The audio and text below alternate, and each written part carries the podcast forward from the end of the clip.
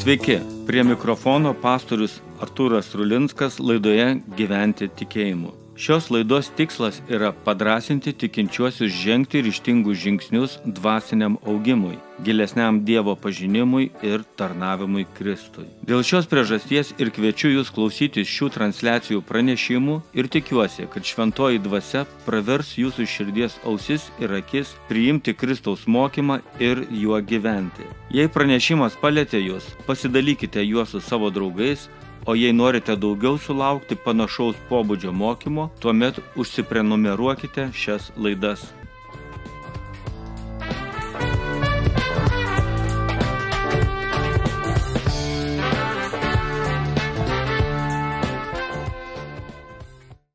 Sveiki, brangieji.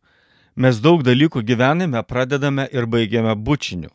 Pasisveikiname ir atsisveikiname išreiškiame giminystės ir bičiulystės ryšį, patvirtiname savo meilę, pademonstruojame lojalumą, parodome rūpinimosi ženklus, esame mandangus ir išauklėti. Pradėdami šios naujus metus turbūt ne vienas savo artimą pasveikinsime bučiniu, linkėdami visų geriausių dalykų artimiausioje ateityje. Taigi galima sakyti, kad naujieji metai mums prasideda bučiniu. Iš patirties žinome, kad bučiniai būna labai skirtingi ir įvairūs. Į skruostą, į lūpas, į kaktą, į ranką, į žandą, oro bučinys arba paliekant bučinį kur nors ant veidrodžio. Priežasčių, kodėl šiuos metus galėtume pradėti bučiniu, taip pat yra nemažai. Tačiau kodėl nepradėjus galvojant apie bučinį Dievui? Kokia čia mintis pasakysi? Kaip galima pabučiuoti Dievą? Iš tiesų ir man pačiam tai yra įdomu. Gal man reikia bučiuoti ir pamilti tai, per ką jis veikia, per ką jis apsireiškia, kam nori parodyti savo meilę. Nežinau, tai turbūt yra asmeniška, tačiau neabejotinai mums reikia mokytis kokiu nors veiksmu parodyti Dievui savo meilę - ištikimybę, pagarbą, lojalumą, artumą. Skaitysime antros psalmės 10-12 eilutes. Ši psalmė Naujajame testamente yra dažniau nei bet kuri kita psalmė cituojama jos autorių. Ir per ją mokysimės praplėsti, ką gali man reikšti bučinys. Taigi dabar, karaliai, būkite išmintingi, pasimokykite, žemės teisėjai, tarnaukite viešpačiui su baime, džiaukitės drebėdami, pučiuokite sūnų, kad jis nerūsautų ir nežūtumėte kelyje jo rūstybei staiga užsidegus palaiminti visi, kurie juo pasitikė. Čia buvo antra psalmė 10-12 eilutės. Mano senelio sesuo buvo turtingiausia pane visoje giminėje. Visuomenėje, kurioje nebuvo nei ponų, nei tarnų, o vien tik draugai, ji gyveno poniškai, o turtus krovėsi iš pusiau, o gal net ir legalaus, tačiau pelningo verslo. Visi mano giminės ją gerbė, su jos nuomonė skaitėsi, iš jos patirdavo įvairių palaiminimų ir malonių, gaudavo paskolų, visada jos svetingai būdavo priimti, pamaitinti, jos namuose prie jūros kasmet mielai būdavo planuojamos atostogos. Iki tėtos mirties palanga man buvo gyvenimo dalis ir su tėtos netektimi tam tikrą prasme praradau ir šį nuostabų Lietuvos kurortą. Kuo man skiriasi palangos teta nuo visų kitų tetų? Ogi tuo, kad jai reikėdavo bučiuoti ranką. Tetai nebuvo įdomu, tu esi spoliukas ar pionierius, tavo įsitikinimai socialistiniai ar kapitalistiniai ar tebesiformuoja, tačiau atvykęs į tetos namus jai privalėdavau pabučiuoti ranką. Pamėgink įsivaizduoti Dievą kuris nėra vertas pagarbos, kuris nevaldo ne tik tavo gyvenimo, bet ir nieko, kuris gali būti nuginčytas tavo žodžių, sukvailintas tavo nuomonės, kurio nėra netrupučio baugu, kuris yra godus, kontroliuojantis, be principų ir be moralės, kurio įstatymai labiau tinka ateiviams, o mokymas prasilenkia su racionaliu ir šio laikiniam žmogui taip reikalingų poreikiu. Pamėgink dabar įsivaizduoti ir žmogų, kuris yra bjaurios išvaizdos, išpuvusiais ir pageltusiais dantimis, aplipęs senų maistu, sergantis užkrečiama lyga, kvailas ir protiškai atsilikęs, godus ištvirkelis, vagis ir nusikaltelis, smurtautojas, savanaudis ir savimila, nesusitvarkantis su savo emocijomis, neprisižiūrintis savo išvaizdos, iš kitų sugebantis tik reikalauti, mėgstantis tik nurodinėti, pasitenkinimą jaučiantis skriausdamas, malonumą patiriantis žemindamas ir išjuokdamas kitą. Jis nieko tau nesiuošia duoti, tačiau visko iš tavęs reikalauja. Įsivaizduok, kad esi tokioje situacijoje, kada tau reikia jį gerbti ir pabučiuoti net ne į ranką, o į žandą, o gal net ir į lūpas.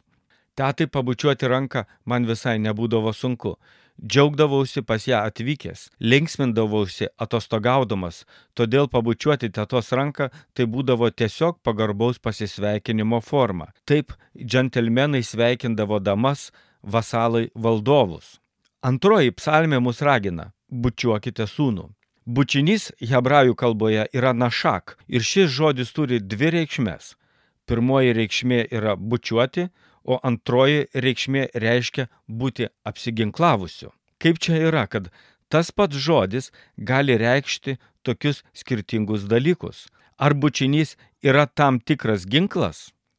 Taip nėra manoma, nors veikiant klasta ir siekiant tam tikrų tikslų ir bučinys gali veikti kaip ginklas, kaip ir Judas bučiniu atidavė Jėzų jį suimti ieškojusiems pareigūnams. Karys savo ginklą pritvirtina prie savęs ir iš dalies ginklas asmenį ir daro kariu. Jei eisi į mūšį rankose laikydamas kiberą arba portfelį, niekas nepamanys, kad esi karys, bet pritvirtintas ginklas yra visai kas kita. Bučinys parodo, kad tu kažkokiu ryšiu esi pririštas prie to asmens, kurį bučiuoji. Kaip kad pritvirtintas ginklas rodo, kad jį dėvintis asmuo yra karys. Vertėjai šią antrosios psalmės eilutę versdami ieškojo ir kitokių prasmių, kurios būtų aiškesnės skaitytojui, nors šio žodžio reikšmė šiame kontekste atrodo yra labai aiški - bučiuokite sūnų. Profesorius Antanas Rupšys išvertė - reikškite pagarbą o daktaras Algirdas Jurienas užrašė bučiuokite jam kojas. Ko nėra verta bučiuoti? Tikrai nėra verta bučiuoti savo vaizduotės Dievo. Ar Dievo, kurio supratimas kyla iš žmonių nuomonės neskaitančių švento rašto, gyvenančių labiau savo nuomonėmis ir jausmais nei laikosi Dievo įstatymo, tarnauja jo misijos reikale. Bučiuok sūnų, reikšk pagarbą tam, kuris dėl tavęs ir manęs atėjo į šį tamsumų pasaulį ir parodė visišką pasiaukojančią gyvybę, atiduodančią meilę. Jo valdymas yra amžinas, o gale beribė. Jis yra pastovus ir jo žodžiai nesikeičia. Iš chaoso jis daro tvarką, lygas visas išgydo, protą jis išlaisvina, širdį praplečia, sielą atnaujina, dvasę atgimdo, nusilpusi sustiprina, pasenusi atjaunina, nuliūdusi pralinksmina, beviltiška įprasmina. Jau tūkstantmečiai, kai nesuskaitomi žmonių skaičiai, įskaitant ir mane patį, juo žavisi, su džiaugsmu jam tarnauja, su šypsena lūpose palieka šį pasaulį, eidami į jo nuostabę karalystę. Bučiuok sūnų, o ne nykstančią materiją. Bučiuok sūnų, o ne permainingą emociją. Bučiuok sūnų, o ne praeinančią šmėklą. Bučiuok sūnų, nes šią akimirką, jei dar klausai, tai dar tu gali. Bučiuok sūnų, nes tai yra išmintinga, nes tai yra teisinga ir tau jis suteikia daugybę palaiminimų. Laimingų naujų metų, brangus klausytojau, ir nepamiršk, pradėdamas šiuos naujus metus, pačio svarbiausio metų bučinio. Su jumis buvo Vilniaus miesto laisvųjų krikščionių bažnyčios pastorius Artūras Rulinskas. Iki.